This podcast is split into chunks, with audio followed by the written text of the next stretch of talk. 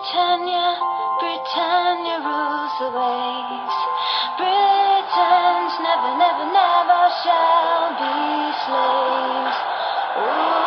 Britannia, Britannia rules the waves.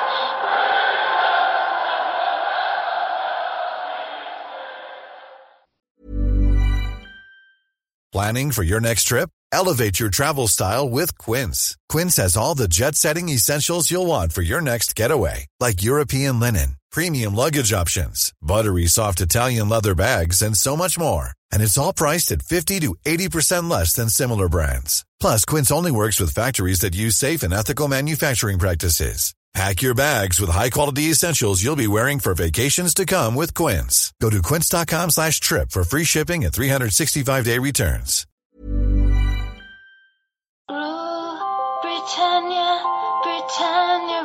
Rules the waves. Britons never, never, never shall be slaves. Ooh, Britannia, Britannia rules the waves.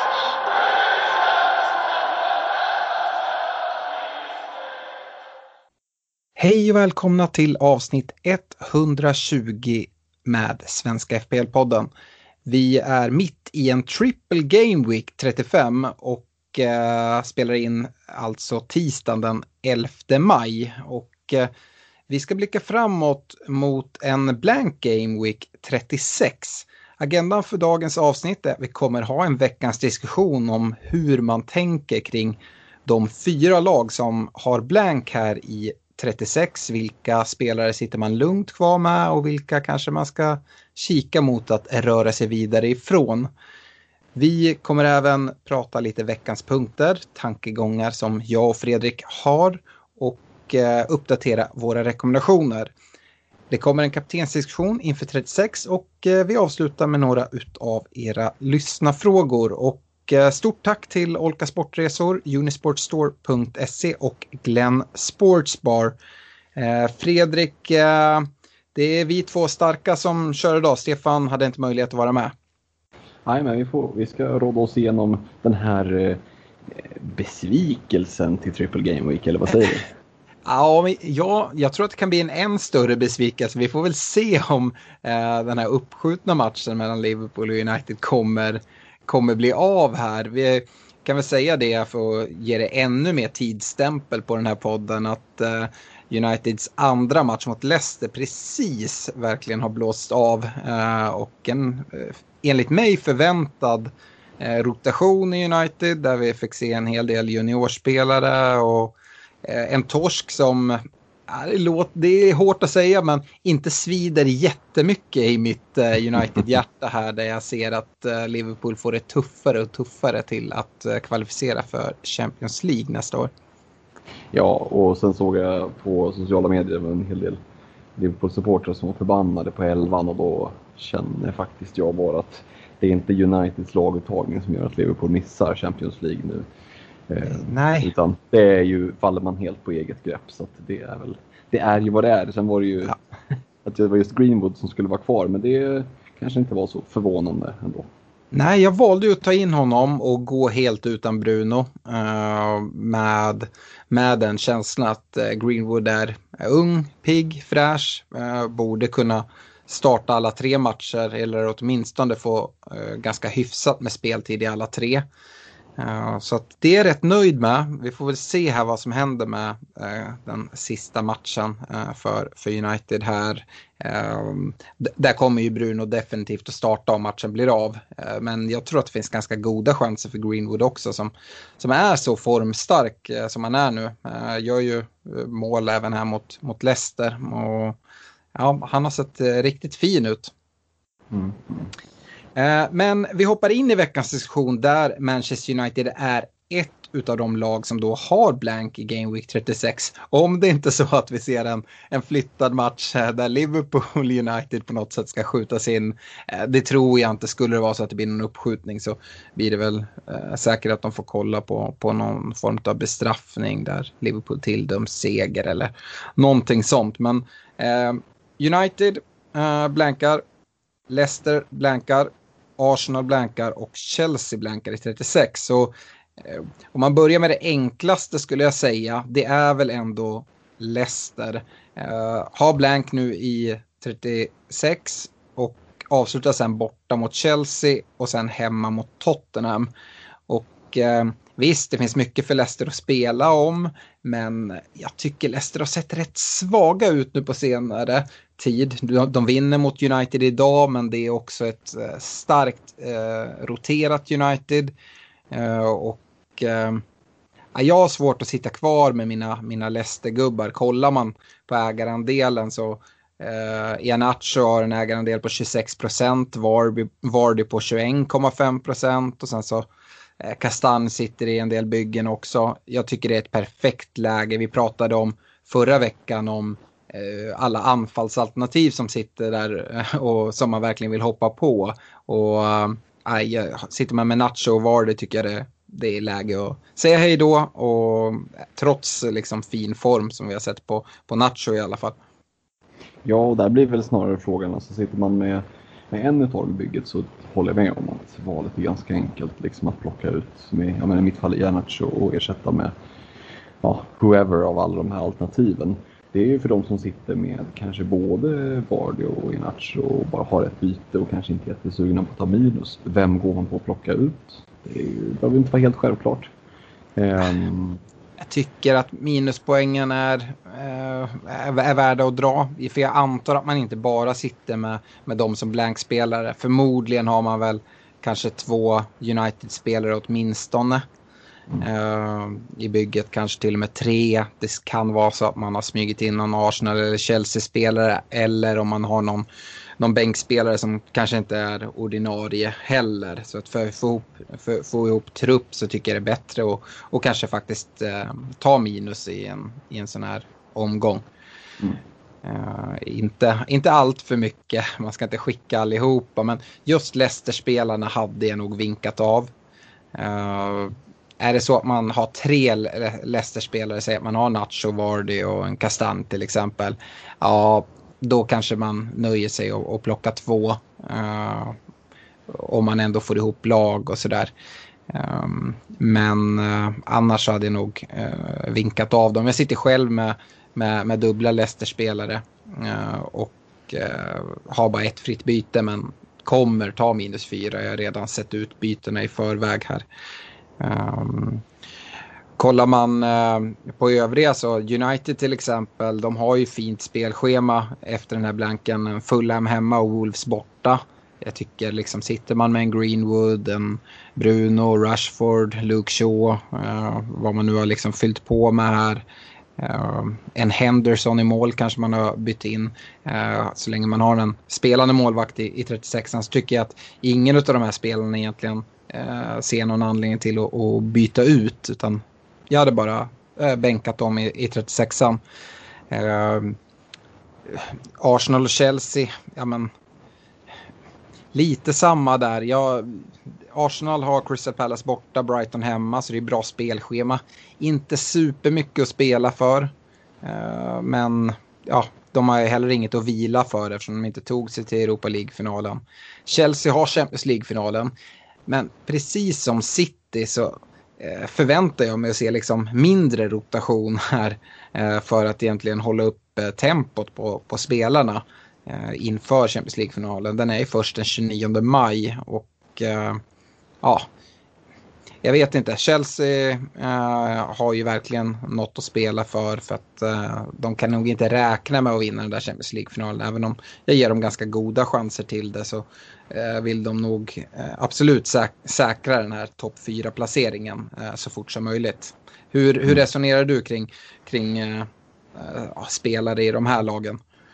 Nej, men jag tänker att har man till exempel klivit in och, och, dragit en riktig liksom, riktig chansning på en Aubameyang som vi såg var bänkad och så här, då kan det vara värt liksom att, att skeppa honom för att kanske ta tillbaka en, eh, Eh, en Salah eller, eller, trycka in Mané som kommer, ändå kommer att spela. Men i övrigt håller jag med om, om eh, ditt resonemang att eh, Leicester-tillgångarna bör ju vara de man prioriterar att, eh, att skeppa. Och eh, det är väldigt få eh, aktiva managers som sitter på många Eh, Chelsea-Arsenal-tillgångar om man har någon liksom, Chelsea-back kvar. Men i övrigt så är det väl att man har lastat ganska tungt United och Leicester. Mm. Och då, då, känns det ganska givet att det är Leicester-spelarna som får, som får ge vika. Mm. Det är ju liksom vart man ska kika nu. Det är, jag tycker att både Leeds och West Ham har ju jättefina spelscheman och till exempel har man Kastanj eh, och inte har kvar Dallas i sitt bygge så är det ett, ett byte som jag tycker man absolut kan kika mot på anfallssidan om vi pratar Vardy eller Nacho. Men vi pratade jättemånga alternativ förra veckan. I Leeds finns ju Bamford men jag hade nog ännu hellre kikat mot en Antonio i West Ham då till exempel. Mm. Um, så ja, det, det, finns ju ganska gott om alternativ skulle jag säga. Ja men verkligen och, man kommer inte kunna ha alla men det gäller ju åtminstone att kunna, kunna liksom rygga några. Mm. Några hästar för att står man helt utan då kan man bli rejält ifrånsprungen. Mm. Ehm, men eh, vi kanske ska stänga veckans diskussion där men uh, ett liksom, kort summering är väl att eh, Leicestergubbarna kan vara läge att vinka hej då till men övriga kan man mycket väl sätta på bänk här. Ehm, och ja, med ganska lugn ro. Om vi går vidare till veckans punkter Fredrik så har du några grejer som du skulle vilja bolla upp? Ja men absolut. Eh, och jag väljer nog att börja med nedflyttningsstriden eller ja, det blev ju ingen strid. Det var ju liksom över innan det började.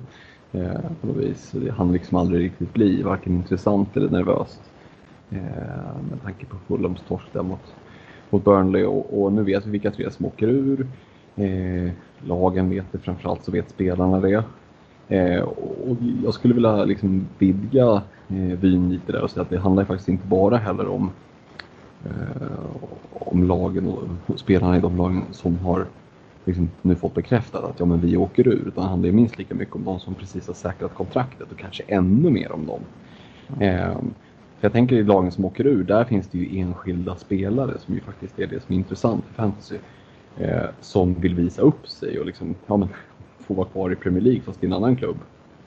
Medan risken för de här liksom, klubbarna som precis klarade livhanken blir lite att han pustar ut. Och, ja, usch, vi klarar det, liksom, nu kan vi torska resten, det är lugnt ändå. Det är klart att de inte tänker så öppet men eh, jag tror ju till exempel att eh, några av de större spelarna inte är jättesugna på att gå och skada sig inför ett eh, större mästerskap. Eh, det kryllar inte av sådana i de här klubbarna men det finns ett par stycken, speciellt i, i de lite mindre nationerna. Ehm, så att det är ju någonting att, att ändå hålla lite span på. Ehm, men kikar vi på de som är eh, de lagen som har åkt ur där, West Brom, de har kvar att möta både West Ham och Leeds till exempel.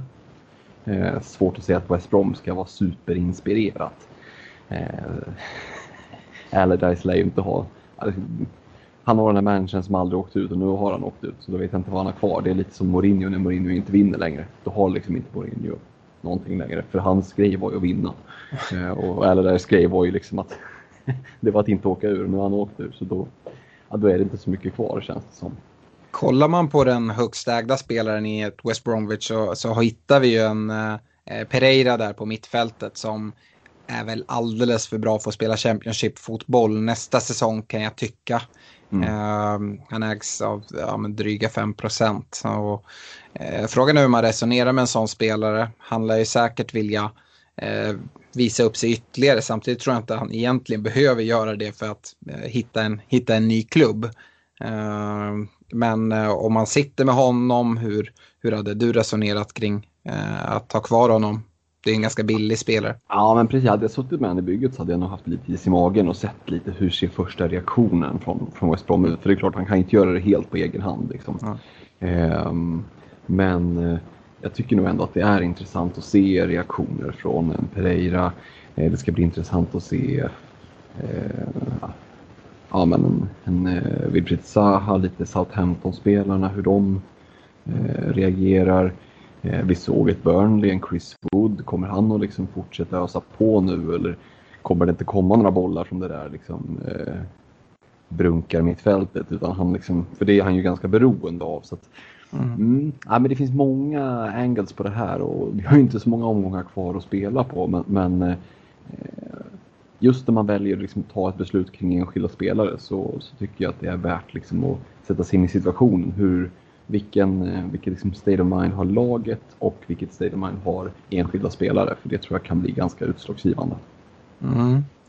Eh, nej, men jag håller helt med där. Eh, och som sagt, det finns vissa som ändå har lite att spela för. Men eh, jag tror att det finns läge. Då, om det är ett lag som har, eh, som har mycket att spela för. Som, som möter något av de här eh, ja, men, utcheckade lagen. Eh, det kan vara något att pinpointa här, här framåt skulle jag säga. Mm. Uh, kollar man... Ja men precis, vi såg ju ja. Everton som ska möta Sheffield United till exempel.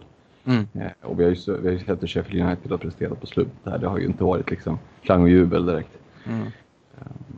Samma, samma West Ham, de går ju för eh, Europaspel. Och eh, Eh, de ska möta Brighton, West Bromwich och Southampton. Och som sagt, West Bromwich, de är ute. Eh, Brighton och Southampton har ju ingenting att spela för. De är ju helt eh, klara, men det är ju de som ligger precis ovanför strecket. Och om de kommer 16 plats eller 17 eller 15, ah, alltså om man brukar prata motivation slå klass så borde det tala ganska mycket för West Ham-tillgångarna. Dessutom så kan man väl även kunna argumentera för att klassen även då är något högre i West Ham bara liksom i grundtillståndet. Ja men verkligen så, verkligen så. så att, eh, ja, det, det är ett sätt att verkligen lyfta fram West Ham. Jag tycker även det ska nämnas, eh, kan vi kasta in redan här faktiskt, att eh, West Hams match mot Brighton nu i 36, men där lyckades ju Brighton i 35 dra på sig eh, dubbla röda kort. Eh, Mopay, ja men det kanske inte gör så stor skillnad, men en Louis Dunk som också är avstängd eh, i West Ham-matchen, det försvagar ju Brightons defensiva kapacitet i en sån match exempelvis. Ja, både defensiva och offensiva, jag såg att han gjorde ju målet ja. innan, så det, ja. nej, det, det, är ju, det är ju den absolut tyngsta tappet de kan få. Ja. Så. Yes. Uh, hur var det, hade du någon, någon annan uh, tanke du vill, vill dryfta? Ja, men en spaning eh, som jag inte kan undgå att göra det är ju detta Leeds. Alltså, men nu har man liksom inget att förlora. Man är nykomlingar, man gör en riktigt bra säsong. Nog för att övre halvan kanske är ett ganska svagt liksom, incitament till att börja kriga. Och de har ju liksom ingen kniv mot strupen. Men fick jag välja mellan en kniv mot strupen och en Bielsa-blick liksom, som stirrar ner en, då vet jag fan vad jag skulle välja faktiskt.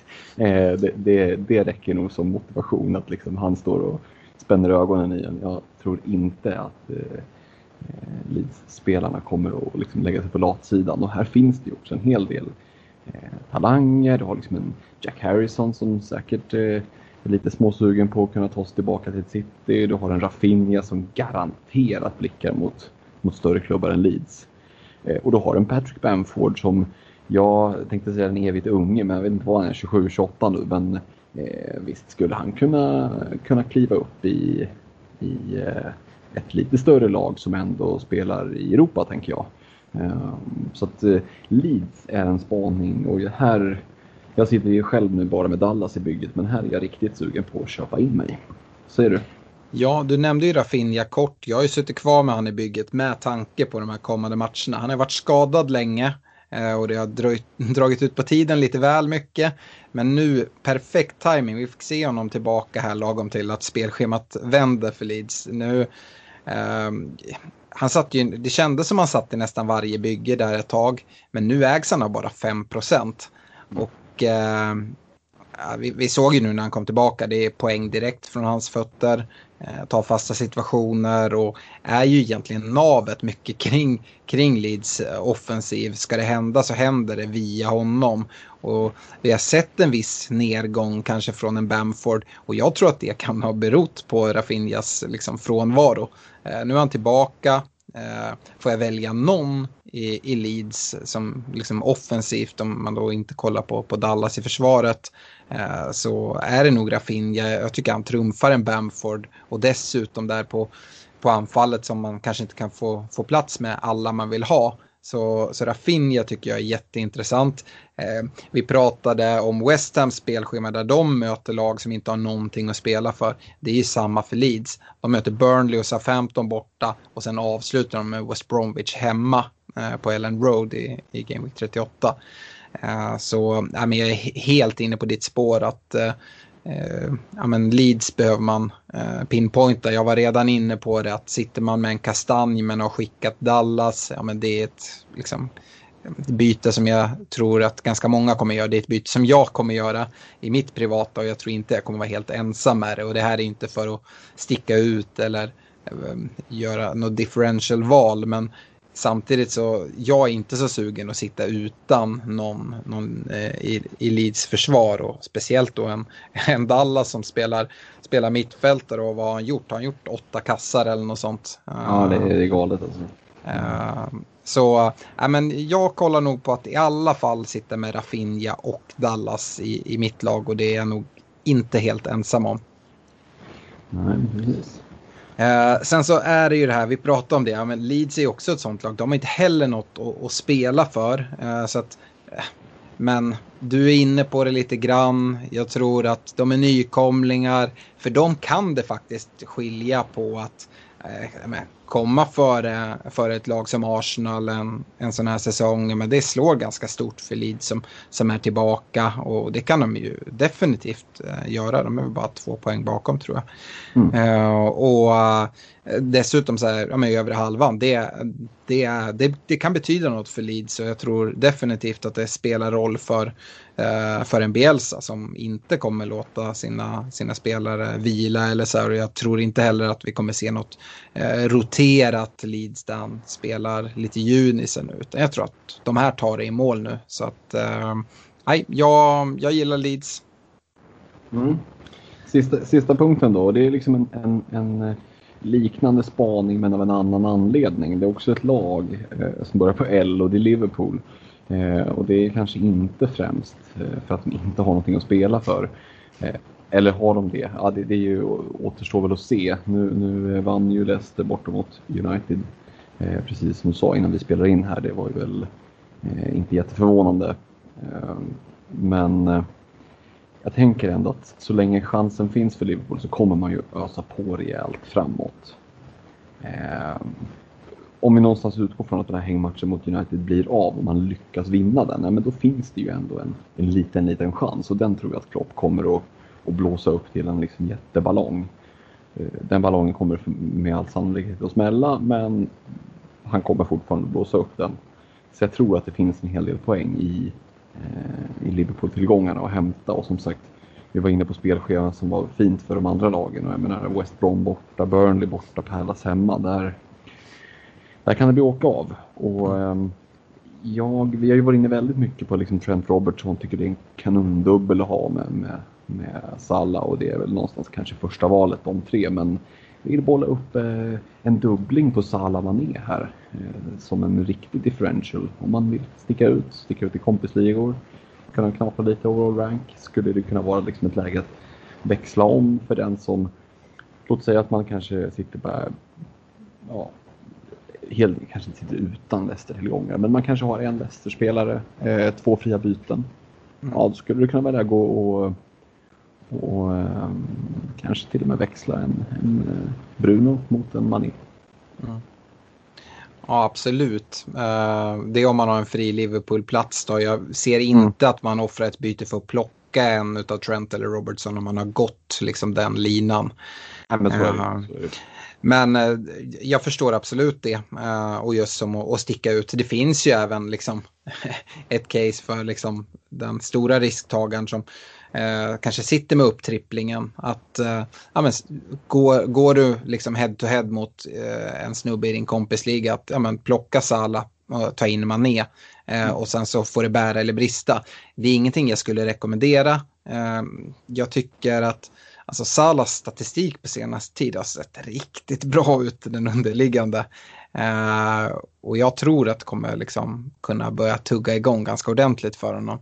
Samtidigt så här om, om man går i en kompisliga och ja, då kanske det är sättet man, man får göra på. Uh, jag ska säga det också att uh, jag eh, känner mig ganska säker på att det som krävs för att ni ska ta en topp 4-placering det är att ni ska gå helt rent och då räknar jag även in den här United-matchen som är kvar i den här gameweeken. Uh, men med det sagt så tror jag att om ni går rent då tror jag att ni tar en, en fjärde placering. Uh, och uh, ja, men jag säger det för att ni, ni har en match mindre spelad än, än Chelsea, två match mindre än Leicester. Och sen har vi även West Ham däremellan förvisso. men ja, som sagt, jag räknar med att ni vinner matchen mot United. För det är det vi måste utgå ifrån här för att ni ska ha en chans enligt mig. Mm. Mm. Eh, och då kliver ni förbi West Ham och då har ni liksom egna händer att liksom hålla er före West Ham hela vägen. Eh, så att det kommer vara Chelsea eller Leicester som ni kommer behöva kriga mot. Och eh, jag tycker att Leicester har sett rätt svaga ut. Eh, det kommer ju liksom, eh, som sagt, vinner ni eh, ja, med allt som är kvar Eh, ni har fyra matcher kvar. Eh, mm.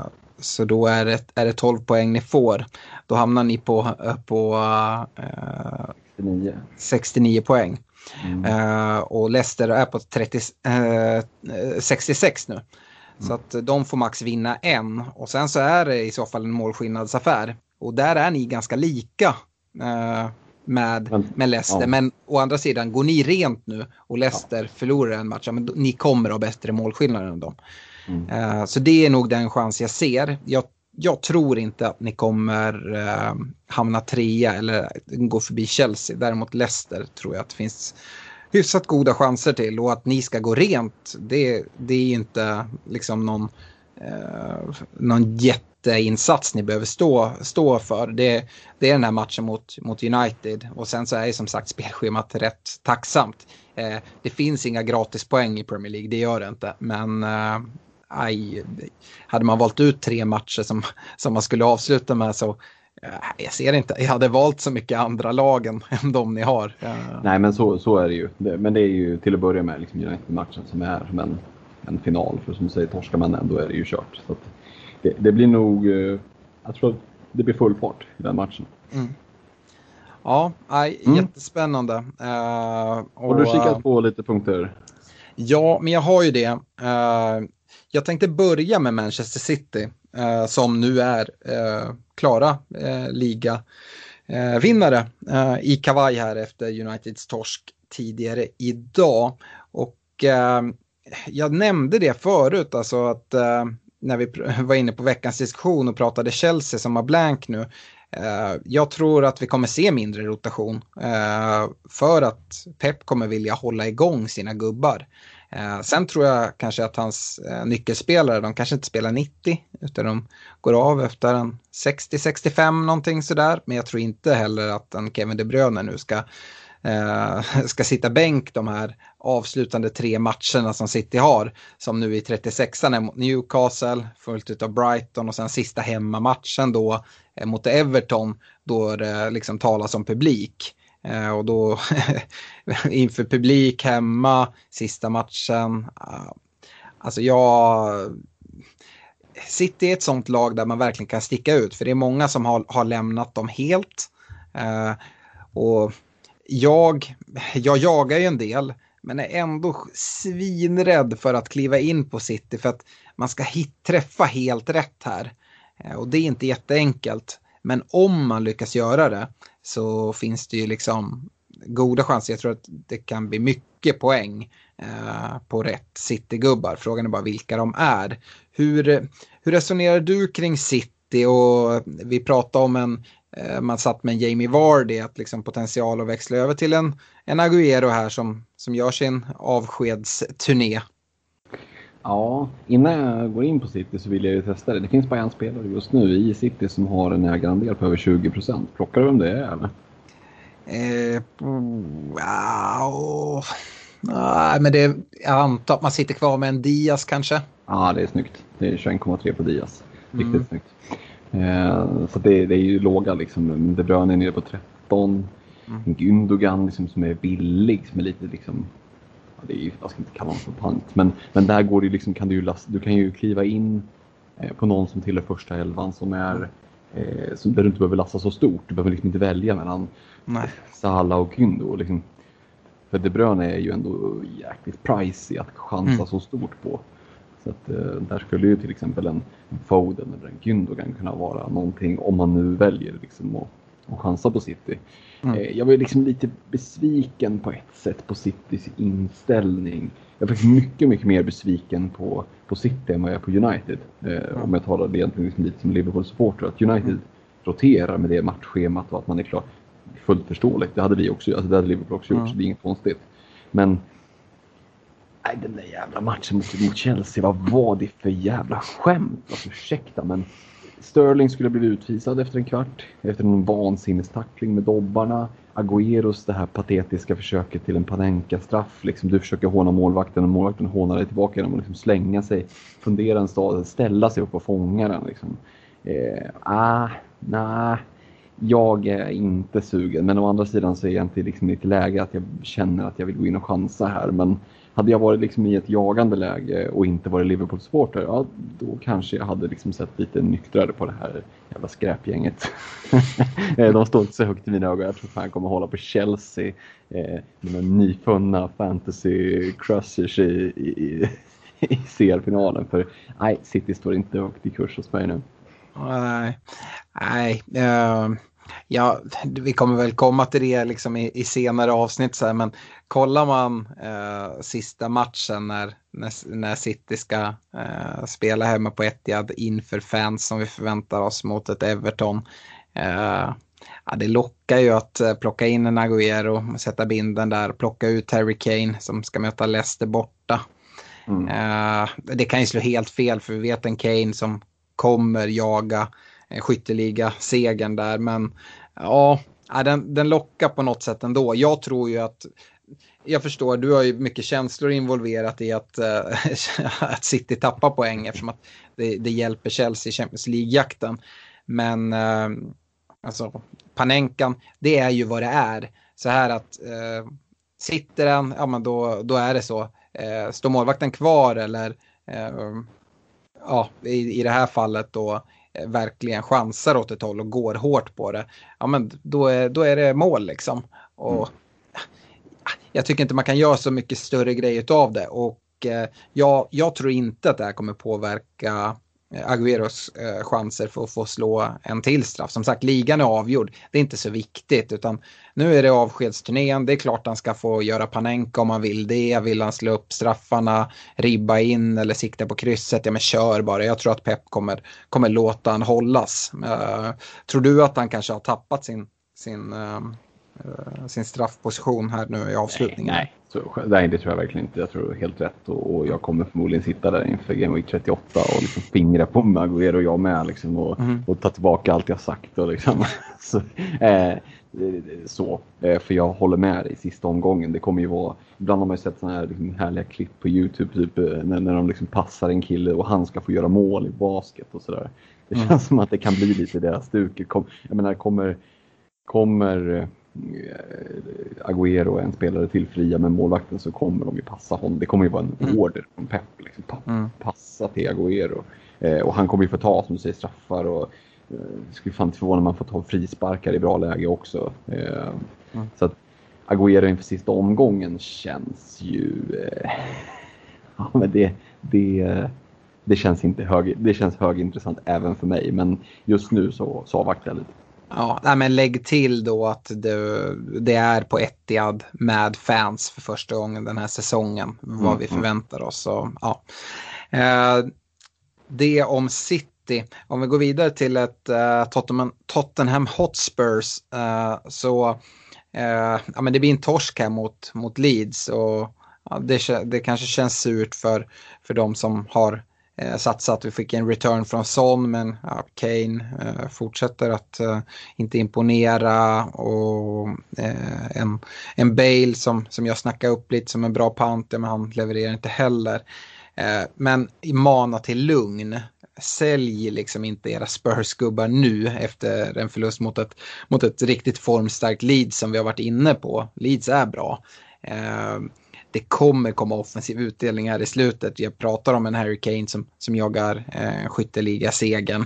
Uh, men det är liksom Wolves och Villa hemma nu i 36-37 och så Leicester borta i 38. Uh, eh, ja, hur man gör inför 38 det är väl en annan diskussion. Men som sagt, jag tror att kampen om skytteligasegern kommer leva hela vägen in. Eh, och då är det svårt att byta ut honom i en sån, i en sån match. Även om det lockar med en aguero, Man kanske får hitta en annan väg bara. Men uh, uh, det är inte läge att sälja varken Kane, Bale, Son, Reguljon, vem du nu har som som Spurs-tillgång, tycker inte jag. Jag ser ingen Spurs-spelare som, som jag hade skeppat. Uh, utan uh, jag hade nog gått för det. Eh, Spurs har ju eh, ännu mindre att, spela om än, än vad, vad Liverpool har. Eh, som man ser liksom deras chanser att nå. Men ja, men jag tror liksom Mason, han kör ut grabbarna, ut, spela, ha kul nu, nu, nu kör vi.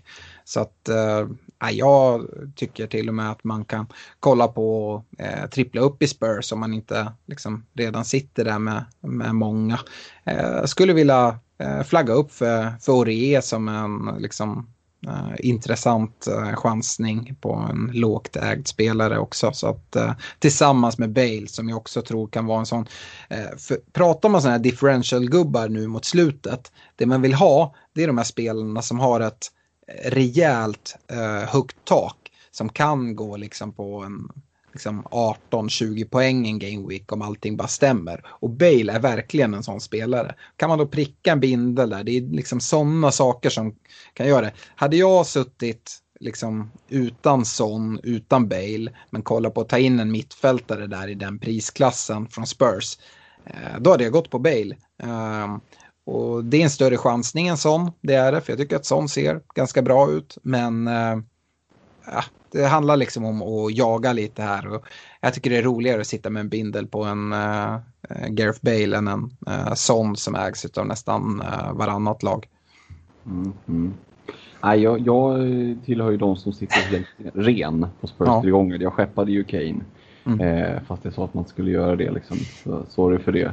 Eh, men drog minus fyra, plockade in Calvert Lewin istället och, och, det slog ju väl ut den här omgången som, som vi är mitt i just nu i talande mm. stund. Vi får väl se, jag är ju livrädd för de här två kommande omgångarna att sitta helt ren. Mm. Eh, du har inga planer på att eh, få in någon? Alltså det, jag inser att när jag ser vad jag ska byta ut i form av en Ianacho och jag lockas av att ta in Bamford och framförallt Antonio. Eh, jag kan känna lite så här, det, den väg man valde eh, i, inför Game Week 35, den får man någonstans lite stå fast vid. Valde man att behålla Son Kane, fine. Eh, då, då var det så, då liksom, satsar man ju på att de kommer att leverera riktigt bra här nu i slutet. Mm. Jag som valde att um, skeppa det jag hade i Spurs-väg för föregående gameweeksen här. Jag tror att jag kommer att liksom helt enkelt inte se en Spurs-match. Chansa på att de inte har allt för mycket. Att de gör ett mål var, det är väl en sak, men så att de inte blir den här hattrick av Harry Kane. Liksom. Mm. Eh, för det slår ju riktigt eh, jäkligt mot den. Och så kommer helt enkelt att chansa på att investera på annat håll. Mm. Nej, för att det kommer ju sitta bindlar i Spurs här eh, ja, under 36-37. Uh, men uh, jag vet inte, nu har jag pratat om att uh, United har, har fina avslutande matcher i 37-38 men du har inga tankar på att göra en Bruno till en, nu vet jag att du har bränt det på, på Bale sen tidigare, jag hade ju gått på Bale där, men uh, en sån annars och plocka in istället för Bruno som nu inte har match i 36an till exempel. Alltså, det är ju ett alternativ, mm. såklart. Eh, att liksom vila på Ianac och, och sen liksom skeppa Bruno för att kunna plocka in ja, men i princip vilken mittfältare som helst. Så det är väl lite mm. kanske plan B. Men mm. ja, nej, jag vet inte. Jag, jag tror att jag kommer liksom att så här envist hålla fast vid No Spurs Assets mm. eh, linjen. Och, och, inte som egentligen mycket för, alltså jag hade gärna, hade jag haft två fria byten hade det varit en no-brainer. Men i och med att jag bara har ett fritt byte och jag vill väldigt gärna få in den där stora monstret till Antonio eh, med mm. tanke på eh, ja, men, med tanke på att Westerborn spelar för, med tanke på Danks röda kort. Jag mm. tror att det kan bli, det kan bli slakt. Eh, mm. Jag tror inte de kommer vara så passiva som de var mot Everton igen. Så att, Nej, det, det får nog bli helt Spursfritt som det känns just nu ska jag tillägga. Ja, eh, avslutningsvis kan vi väl säga det. Du var inne på att du tog in Calvert Lewin istället för Kane och det är ju ett bra alternativ. Det är min sista punkt. Det är Everton och då i synnerhet Calvert Lewin som har grymma matcher och faktiskt är kvar i Europa-racet. Eh, det är kanske inte Champions League-platser vi pratar om nu men för ett lag som Everton så, så klingar Europa League eh, högre än stadsrivalen eh, i rött. Så eh, Everton, det är Sheffield United och Wolves hemma nu 36-37. Eh, och vi kommer komma till en kaptensdiskussion här för 36an. Men eh, Calvert Lewin, absolut. Eh, sen avslutar de City borta i, i 38 men eh, jag kollar framförallt 36-37.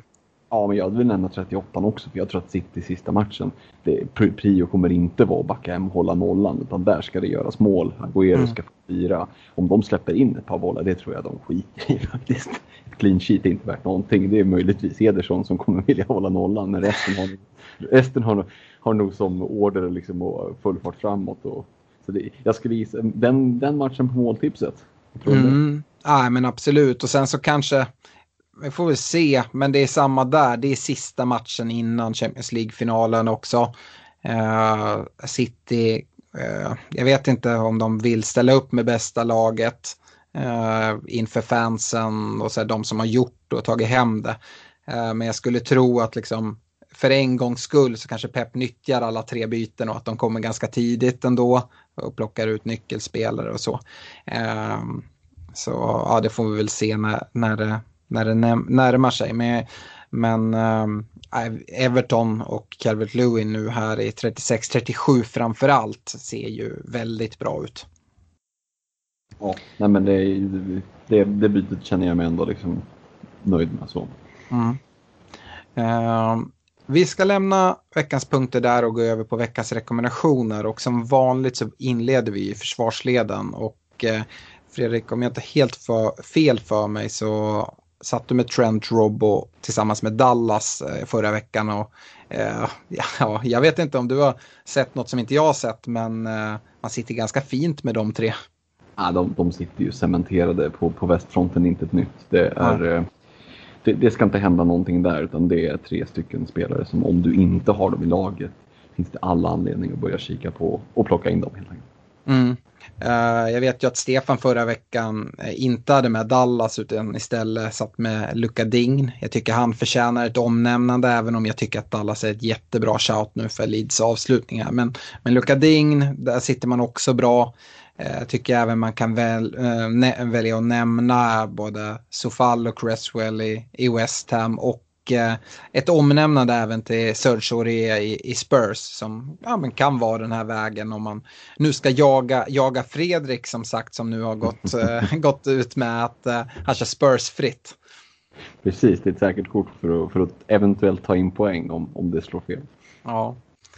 Uh, men jag tycker ju att liksom Dallas Trent Robo, det finns liksom ingenting att skjuta ner, skjuta ner där. Uh, mittfältssidan då, har du valt att göra några justeringar där? Det var mm. ju en Greenwood, Son och Saha. Ja, men det är där de, det sker lite, liksom, lite spaningar ändå. Uh, jag tycker att Son får vara kvar för att mm. ja, det, det, säger sig självt. Vi var inne på det med Spurs. Sitter du med Son så sitter du bara liksom och myser. Så det är inget konstigt med det. Uh, däremot en Saha, nu fick man inte utväxling på, på första matchen. Och, vet inte hur jag tycker att det såg ut heller. Jag tycker att han mest såg ut och liksom haltade runt. Um, och nej, jag vet inte, inför avslutningen här så, så vänds mina blickar istället mot en Rafinha. Uh, vi var inne på dem lite tidigare här i avsnittet och det känns som en, som en no-brainer att spana mot. Uh, så att Rafinha kliver in och tar plats bredvid Son. Um, sen så Mason Greenwood, egentligen samma sak där. Sitter du med honom i bygget? Ja visst, det är blank nu 36 men det kan mycket väl bli bra med speltid. Eh, 37-38. Eh, dock så eh, får han ändå göra plats för en Sadio Mané eh, som är det jag tycker ändå är en, en shout för den som, eh, ja, men, eh, som behöver plocka in poäng som inte liksom de man tävlar mot i miniligorna också får. Alltså, Salah sitter ju typ alla med. Så att när han, ja visst det är om du har vinden där och någon annan inte har det. Men sitter du med vinden på Mané och han sätter två baljor, vilket inte är omöjligt att han kommer göra i någon av matcherna som är kvar. Ja, då, då rullar poäng in samtidigt som motståndarna inte får poäng. Eh, så det är liksom dubbelt så mycket värt. Eh, och för den som jagar så tycker jag att man är eh, ändå är en, en, en differential, helt klart. Ja, ägarandel på 5,4 procent är ju mm. helt galet. Ja, och, eh, absolut, ja, vi var inne på det här tidigare när vi pratade och jag, jag säger ju att jag tycker till och med att det kan finnas ett case att eh, för en riktig våghals är att bara göra swappen Salah Mané eh, om man nu sitter med, med liksom Trent, Rob och, och Salah. Eh, att om man verkligen går för att liksom käka eh, liksom den här sista placeringen, om du ligger två i din kompisliga och, eh, och så. Får allt. Ja, men lite så liksom. Fan, ja, och, och tvåa i första förloraren. Ja, och, och gör du det, då sätter du binden där också. Då går du all in. Du kan liksom inte gå halvvägs, utan då, då ska binden där. Mm. Ja, jag håller med. Eh, tycker det är bra rekar alla tre. Eh, jag vet att Stefan hade kvar, hade ju Bale förra veckan eh, och han tycker jag fortsatt ska, ska nämnas här. Jag, eh, jag sa ju det tidigare också, hade jag gått på en, en Spurs mittfältare just nu, då hade jag gått på Bale alltså för mig känns det 50-50 om det är Son eller Bale som kommer ta, ta flest poäng här i avslutningen. Men det är ägarandelningen och i mitt läge så behöver jag käka poäng och då är det Bale som går. Och hans tak det är också superhögt. Det är ett jättebra kaptensalternativ att gå på Bale. Uh, som liksom, och sticka ut ordentligt uh, och kunna ta placeringar. Uh, och vi har pratat mycket om Sala eh, nu i lite så negativa termer att eh, men det kan vara en bra pant att gå på Mané, plocka ut Sala och, och ta in Mané. Men med det sagt så, jag var inne på det tidigare, Salas stat, bakomliggande statistik de senaste omgångarna, de, de säger att det kommer komma poäng här. Uh, och kollar man spelschemat så är det inte någonting som, som gör att uh, jag, jag ifrågasätter det. Uh, så Sala ska, ska fortsatt ha sitt omnämnande här eh, på mittfältssidan. Eh, mm, skytte, skytteliga-vinsten som, som eh, han eh, kämpar om med Harry Kane där också. Vi nämnde det på Kane, så det är ja. minst, minst lika liksom. Även om han spelar ner i intervjuer och säger att jag skulle byta en fjärde plats mot det, jada jada. Eh, skitsnack, du vill ju vinna den där och jag, jag vill ju, alltså, helt, det är klart ja. att han ska vilja vinna den. Liksom. Det, ja. Nej, alltså jag tror inte att... Um jag tror inte kanske att det är skitsnack. Jag tror gärna att han missar en skytteligaseger om det skulle innebära Champions League-spel nästa år. Nu är inte valet så att man kan välja det ena eller det andra. Utan han vill ju såklart eh, hjälpa Liverpool till den här fjärdeplatsen genom att spruta in mål. eh, så att eh, jag, jag har ofta gjort det mot slutet av säsongen att suttit med, är det jämnt i skytteligastriden mellan två eller tre spelare, försök få in allihopa som är där och krigar. Ofta har det varit liksom Kane, Vardy, Salah. Det är mycket pengar, men det är värt det här i slutet. Uh, och när lag börjar eh, falla ifrån att de inte har så mycket att spela för gällande tabellplaceringar och sånt, ja, men då börjar det gå över till att ja, men vinna skytteligor och hjälpa sina spelare i sitt lag att vinna skytteligor. Eh, så det tycker jag är värt att, att nämna där. Eh, sen så det var ju två spelare, det är inte att jag pratar emot dina för jag tycker de är jättebra, men för att nämna tre andra eh, så ska jag även skjuta in en, eh, en tredje gubbe. Och eh, jag vet inte, West Hams fina spelschema gör ju att man kanske ändå vill nämna en Jesse Lingard. Jag vet inte om jag hade tagit in honom idag. Han ägs ju ändå liksom av ganska många människor redan. Eh, men jag hade inte liksom eh, stressat ut honom nu efter eh, de, den här liksom lite torra perioden där han inte har tagit poäng eh, nu i senaste tre, tre gameweeksen. Utan eh, nu är Antonio tillbaka, jag tror att eh, Lingard kan gynnas av det. Spelschemat är bra för West Ham så jag passar på att nämna han också men jag tycker det är bra, det är värt att nämna för han är precis en sån här spelare. Jag har han i bygget och han ska ju ingenstans. Nej. Han sitter bra där. Men jag hade kanske tvek om jag hade lagt ett byte på att ta in honom. Men sitter nej, honom, nej, nej. Då, då är det ju inte honom du plockar ut. Liksom. Nej, jag hade ju tagit in en Rafinha som du nämnde mycket hellre än Lingard om jag inte hade suttit med någon av dem. Men uh, han sitter som sagt i en tre, tredjedel av byggena och ska man ta in Rafinha då tycker jag det finns bättre mittfältare att plocka ut uh, än Lingard till exempel. Uh, anfallssidan då. Förra veckan så satt, satt ju Kane där. Han sitter ju inte i ditt privata bygge men får han vara kvar tillsammans med Calvert Lewin eller hur, hur gör du på anfallssidan? Ja, men alltså Kane var ju cementerad. Kruxet var ju bara att betongen var ju inte, den var ju inte armerad så den krackelerade och sprack. Eh, så att Calvert Lewin är kvar. Mm. Men eh, Kane får göra plats för Antonio. Eh, jag tycker i ett, alltså i en värld där du har obegränsat med pengar, ja då hade jag kanske liksom gått på Kane. Men jag kan tycka att det finns ett väldigt stort värde i en Antonio nu som du väldigt lätt kan göra om du har liksom lite, lite pengar på banken. En Ianacho till eh, till, en, till en Antonio. Mm. Från en spelare som inte har match i 36 att få supertuffa matcher i 37-38 till, till monstret som har tre bra matcher och som är, som är förbannad nu. jag vill inte sitta utan en Antonio känner jag. Ehm, så att, eh, absolut, det är ju inte så att så sitter du på Kane sitter du bara och myser. Men eh, sitter du utan Kane så är det förmodligen rätt svårt att plocka in honom på bara ett byte. Mm. Så då tänker jag att Antonio är en spaning.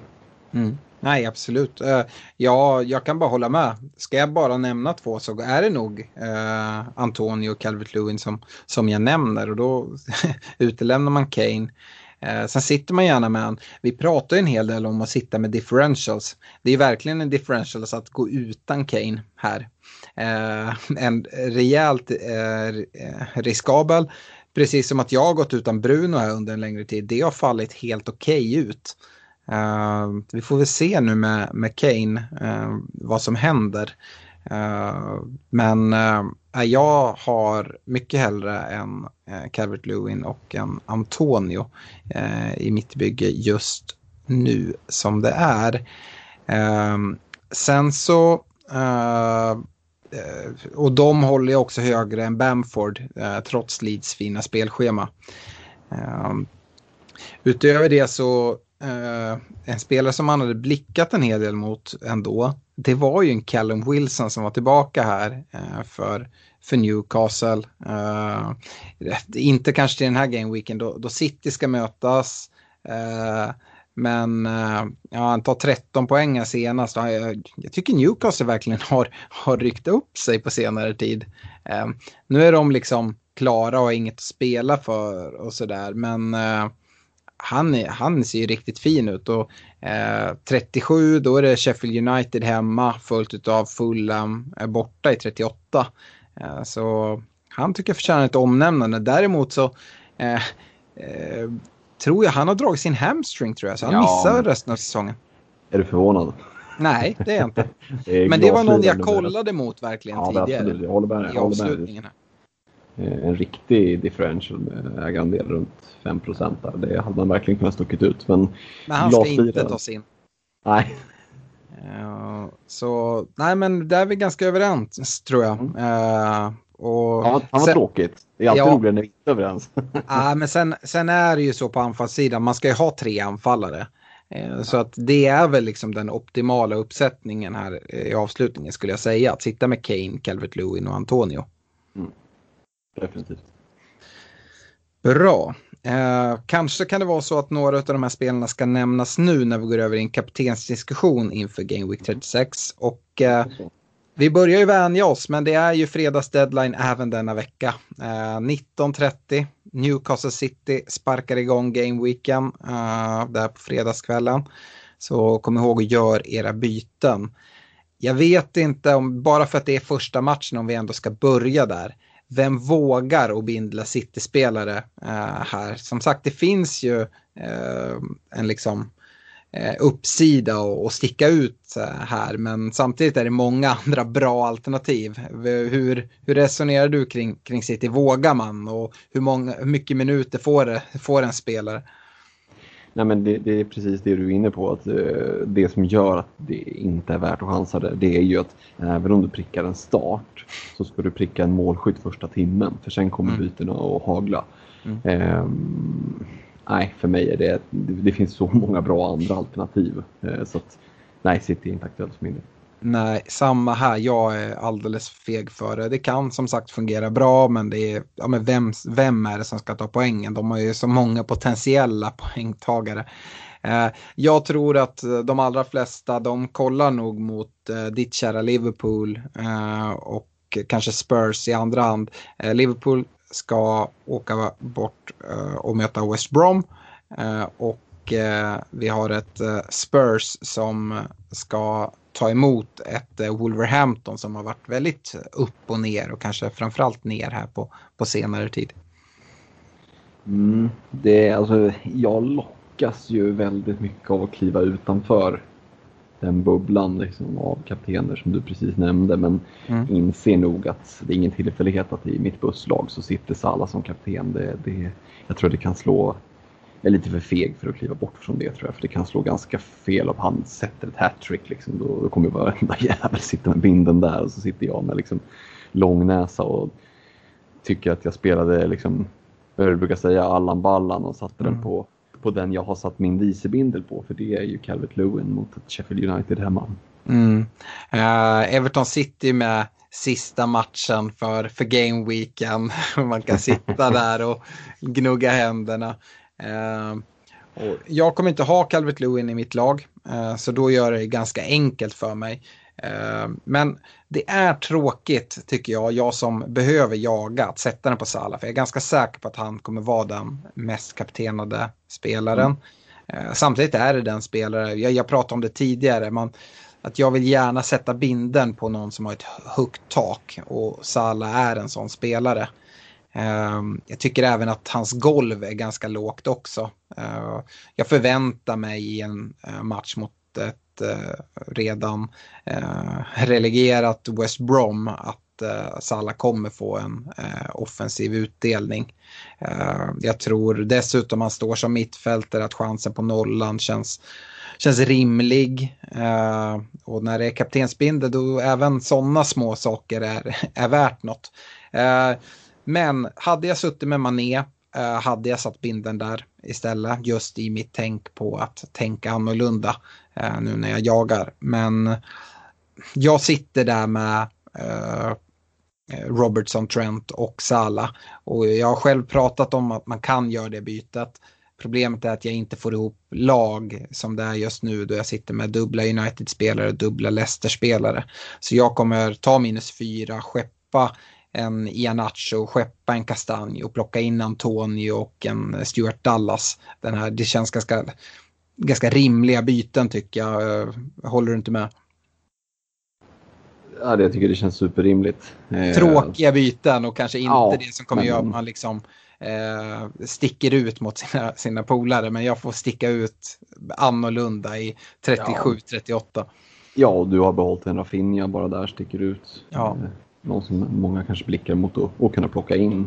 Jag tänker för den som, för den som sitter med Liverpool och tripplingen Trent Robertson Salah, vilket det nog en, en del gör som, som lyssnar på det här.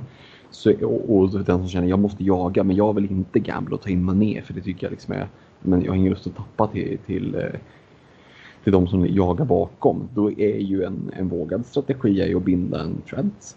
Mm till exempel. Jag tror att han kommer, tror att West Brom kommer falla väldigt djupt. Han kommer att stå och piska in inlägg. Eh, och säkerligen kanske få någon frispark här och var. God, som du sa, god chans till nolla. Det är ju inte jätteförvånande om, om Liverpool håller en nolla och Trent får eh, någon offensiv return. Ja, den kaptensbindeln skulle, den har ju liksom inte riktigt samma höjd i taket som Salas hattrick såklart. Mm. Eh, men för den som jagar skulle kunna vara ett alternativ sett till eh, att Liverpool behöver gå rent nu här så risken för rotation känns väl minimal. Ja, eh, ja. Även om det skulle bli en torsk mot United så tror jag inte man kommer lägga sig ner och dö utan de måste ju gå rent och ge sig själv chansen, eller hur? Ja, verkligen, verkligen. Det kommer att vara full fart. Mm. Uh, Yes, du nämnde ju Everton uh, som tar emot Sheffield United kort där. Jag tycker ju faktiskt att uh, Calvert Lewin är Eh, kanske alternativet till Liverpool-kaptenen. Kanske liksom att jag håller det före en, en Spurs-tillgång till och med. Ja, nej, men den är ju jag är så oerhört sugen och liksom, hade det inte varit just West Brom som redan är avsågat och, och en Allardyce som bara står och skriker och spelare som, som bara känner att håll käften gubbe, jag orkar inte höra på dig. Eh, och risken finns att de bara ställer ut skorna och inte bryr sig och då Salah springer in med tre bollar. Mm. Och det är liksom den risken som gör att jag inte vågar gå på Calvert Lewin för jag mm. tror att där finns det potential. Sheffield United hemma och Everton har gjort en bra säsong. Eh, men, alltså, återigen, för den som vill chansa och gå så tycker jag Calvert Lewin är ett klockrent alternativ. Mm. Uh, här kommer vi till det som jag pratade om igen och anledningen till att jag inte tycker att det är värt att sätta den på Calvert Lewin även om man har honom. Uh, det är det här taket vi var inne på. Uh, sen, jag, jag räknar med att Calvert Lewin gör mål i den här matchen eh, mot Sheffield United. Men jag tror att det stannar med en en attacking return. Och jag tycker att det, vi har sett det flera gånger. Eh, senast han tog tvåsiffriga poäng i fantasy, det var i Game Week 23 borta mot eh, mitt kära United, en match som slutade 3-3. Eh, kollar man i övrigt, liksom kolla hela säsongen, då har han totalt tre Game Weeks eh, som han har tagit eh, uh, tvåsiffriga med poäng. Ah, jag vill ha en mer explosivitet på min kapten. Uh, så av den anledningen så tycker jag det liksom kanske finns, finns ett liksom större case att sätta en liksom differential-kapten om man nu vill spela alla ballan som sagt. Att sätta den i Spurs. Sätt den på Bale då.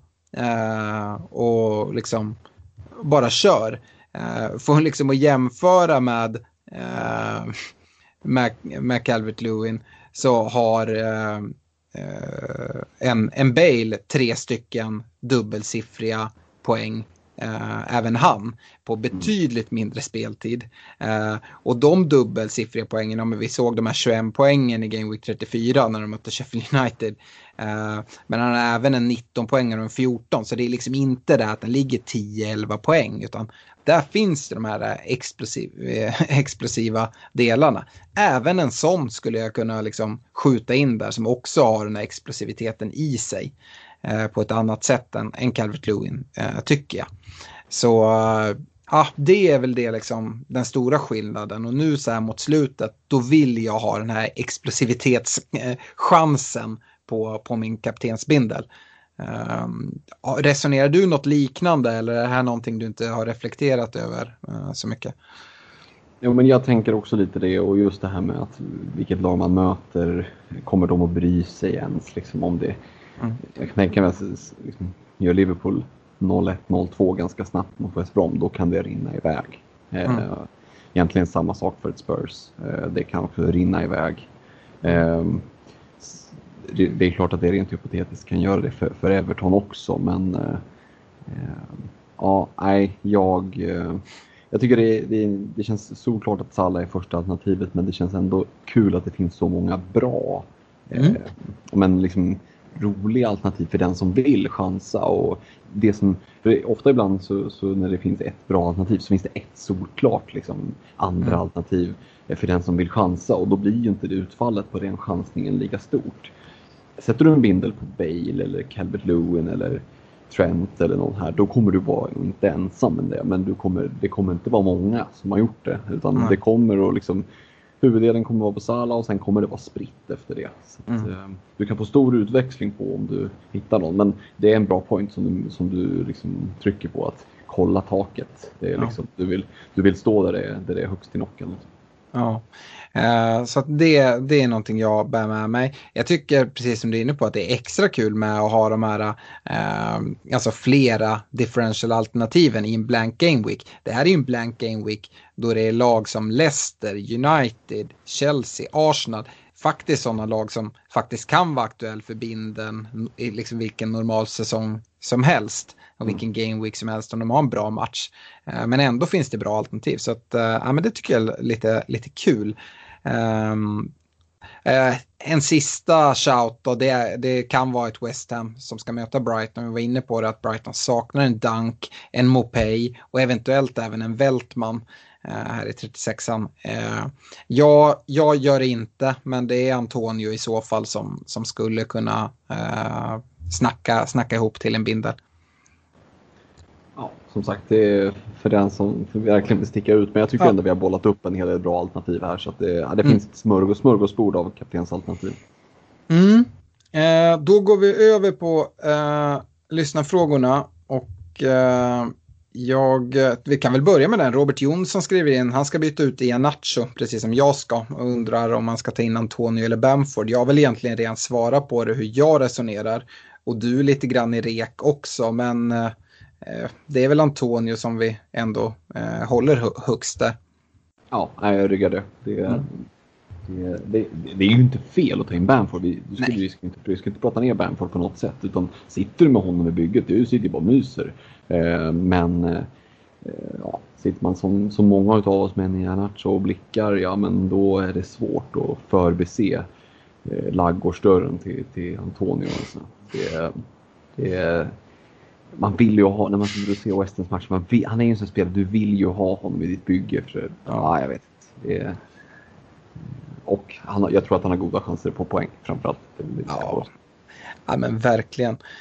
Uh, yes, Claes Briland, han har varit eh, på spriten lite mycket tror jag. Han eh, undrar vilken mittfältare i Aston Villa man ska ha nu inför kommande dubbel. Men de har ju ingen dubbel. De har ju dubbel den här gameweeken i 35an och blankar inte i 36an likt Everton som ett exempel.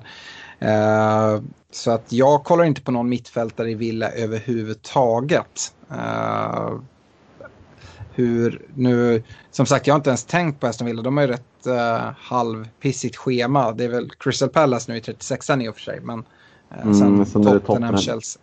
Ja, precis. Nej, det, det, är ett ganska tufft schema och inte så mycket. Och och spela för kanske mer än placeringar och sådär. Så att, mm. eh, jag sitter med en Martinez i mål till exempel som många andra och där ja. kanske man inte prioriterar något byte. Där kan man sitta kvar. Mm. Eh, sitter någon med liksom en, en, eh, en target eller någonting som en femte back så kanske det inte är högprioriterat om du inte kan göra ett rakt byte till en Dallas. Mm. Men eh, nej, det är inget jag blickar mot. Dig. Nej. Uh, Rickard Lauritz uh skickar in, han har skickat in sitt lag. Uh, han funderar på att sätta uh, Target på bänken och byta ut en Madison mot Sigurdsson för en minus fyra. Men tvekar för han inte kan bestämma om det är värt det. Uh, och det han är inne på här det är ju att uh, om man inte gör det här bytet då kommer man bli tvungen att spela target. Men han skriver det, om Target får eh, liksom en hållen nolla, då måste ju Sigurdsson både göra mål och assist för att det ska vara värt hitten. Eller tänker han fel där?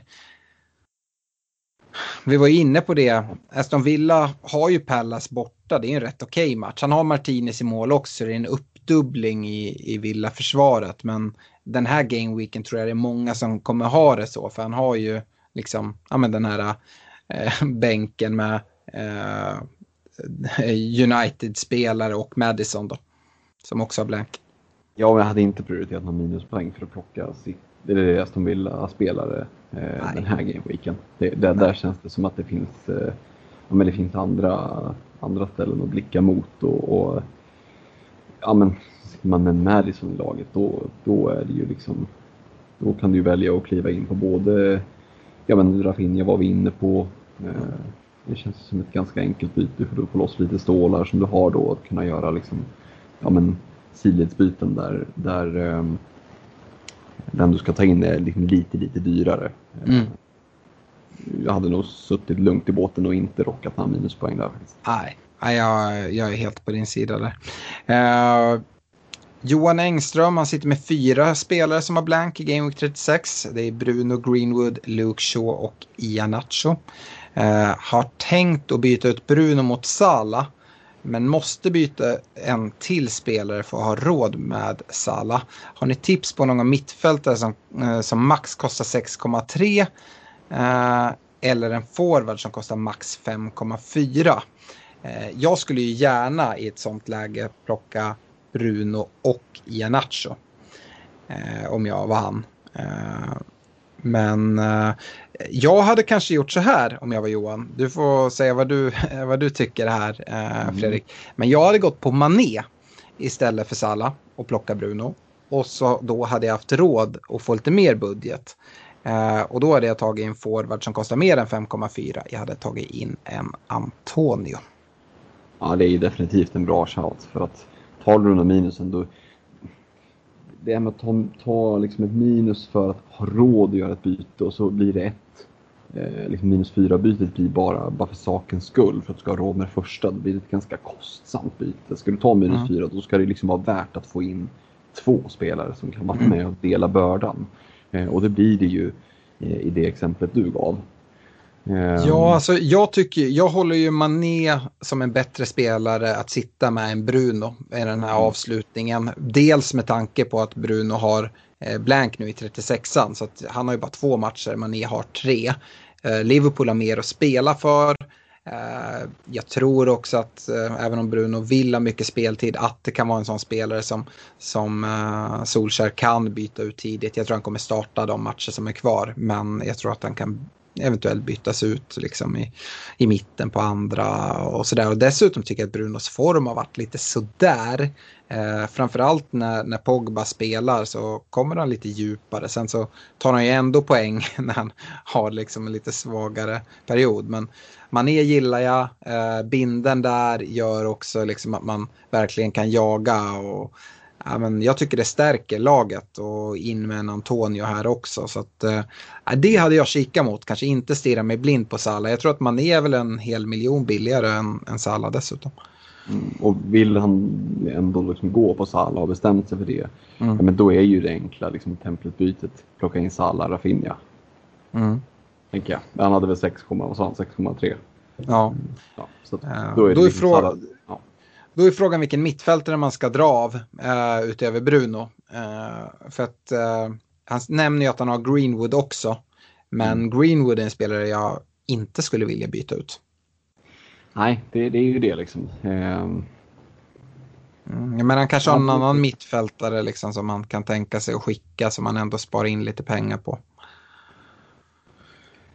Ja, det, det är en fingertoppskänsla där. Men, men det är ändå en bra regel att ha med sig att ska du dra minus fyra för att göra byten så gör inga liksom om jag gjorde det här bytet bara för att ha råd med ett annat. Då är det mycket Nej. bättre liksom, att hitta en väg där du får in två spelare som kan vara med och dela bördan. Ja, alltså, jag gillar det bara mer och mer nu när jag sitter och tänker på det. I, i just i hans situation. Att liksom ja, plocka in Mané och Antonio i, mot Ianacho och Bruno.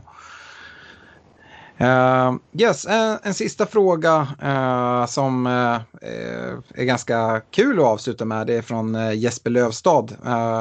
som, som jag och Stefan träffade på, på Glenn-eventet. Det blev inte av något den här säsongen på grund av pandemin. Men året innan dess så var vi där och då träffade vi Jesper. Som om jag inte minns det helt fel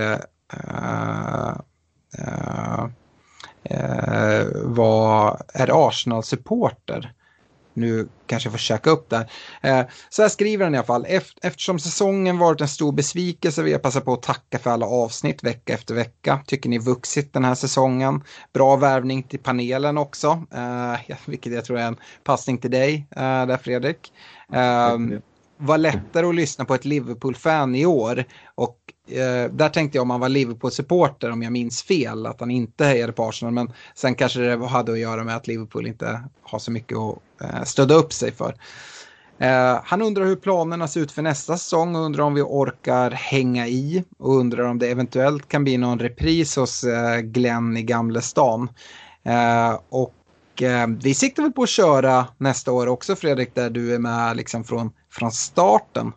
Ja men det tycker jag, det ska bli jäkligt skoj och eh, en, en liksom, man, alltså, fantasy för mig är ju faktiskt lite som en eh, två veckors semesterresa till solen. Mm. Eh, där man liksom, du bokar den om inte ett halvår innan, så, ja, men säg ett halvår innan, så går du bara och njuter av att du ska åka iväg. Och den där tiden när du njuter av semesterresan, det är ju när de släpper spelet fram till avspark i Game Week 1. När ja. du bara kan sitta och tinkra liksom tio lag om dagen. Eh, jag älskar den perioden, så det ska bli oerhört kul att vara med på, eh, på, den här, på det här tåget under den tiden. Eh, Alltså, jag, äl, jag älskar att hata det, äh, ska jag säga. Äh, det är ju, man, är ju, man blir knäpp i huvudet och man är inne på, på sidan flera gånger liksom, i, i timmen. Och, ja. men det är härligt och jag tror det är många, precis som med Jesper, ser fram emot en, en nästa säsong där man kan få börja om ett blankt blad, publik på läktaren förhoppningsvis från Game Week 1 och ja, men, mer ett normalt liv. Förhoppningsvis kunna åka över till England, se, se några matcher. Eh, vi ska ju åka med vinnaren i, i Glens betalliga också. Eh, se vad det blir för match. Det ska bli jättespännande. Eh, och dessutom hänga med en lyssnare och eh, köta lite Premier League i allmänhet och fantasy i, i synnerhet. Eh, det är ju det är bara kul. Eh, I, I vår internchatt som vi har där där skrev ju du något att åh fan nu har de släppt för fantasy för EM här. Och jag bara, ja, jag ska ha semester eh, från fantasy här, jag behöver ha det. Och Stefan likadant, han var jag med. Och jag tror vi även väckte den tanken hos dig lite grann. Ja, den tanken är ju liksom ständigt närvarande. Frågan är bara om jag har självbevarelsedrift nog och liksom hålla mig ifrån det. Vi får se där, men, men eh, eh, håller borta från de här liksom, trötta tidningsupplagorna. Eh, utan det ska ju vara det real shit. Liksom. Ja. Eh, inte för att jag är någon fan av liksom, eh, Uefa så, men, men det ska ju vara det riktiga spelet. Och, och jag, ska, jag ska försöka hålla mig ifrån men risken är att jag åker in och fingrar lite där. Eh, ja, Får återkomma med hur, hur det går. Det, det kommer i alla fall inte komma några poddar om eh, EM fantasy. Uh, inte från oss i alla fall. Uh, och gällande Glenn så hoppas jag verkligen på att vi ska kunna köra uh, flera stycken event här under nästa år. Jag ser verkligen fram emot att, att träffa er lyssnare. Det var förbannat kul senast. Jag tror att vi kan eh, notcha upp det liksom från hur det var då också. Eh, intresset för det eventet som vi planerade Eh, Eh, för här. Eh, tidigare var ju skyhögt bland er lyssnare, vilket är kul. Och jag vet att eh, Mackan på Glenn verkligen såg fram emot det. Och jag tror vi alla blev rätt knäckta över att det inte blev av. Men äh, vi tar nya tag, äh, hoppas på att pandemin lägger sig och att vi kan äh, ses på liksom ett ansvarsfullt sätt. Och ja, men, verkligen ha, ha en kul kväll och förhoppningsvis under flera gånger under nästa säsong. Ja, men det ser vi fram emot. Vi, vi har ju lite, liksom, smider lite planer inför, inför kommande säsong så det får vi väl mm. återkomma med. med eh, se om vi kan presentera no, men lite små nyheter och, och, lite planer inför, inför nästa säsong. Men det kommer ju längre fram. Vi har ju lite kvar av den här säsongen också. Ja, men verkligen. Nu ska vi in i målet och liksom eh, se till att eh, knipa några platser i våra kompisligor och kanske till och med eh, ställa oss högst upp på täppan och eh, och se om man kan nå liksom sitt mål oavsett om det är topp 1000, topp 10 000, topp 100 000 eller vad det är. Det beror ju på vart man, man är i, i sitt eget läge. Eh, men eh, jag tycker vi nöjer oss så. Tackar för att ni har lyssnat och Eh, så är vi tillbaka igen i nästa vecka. Eh, ha det bra! Ha det gott, tja!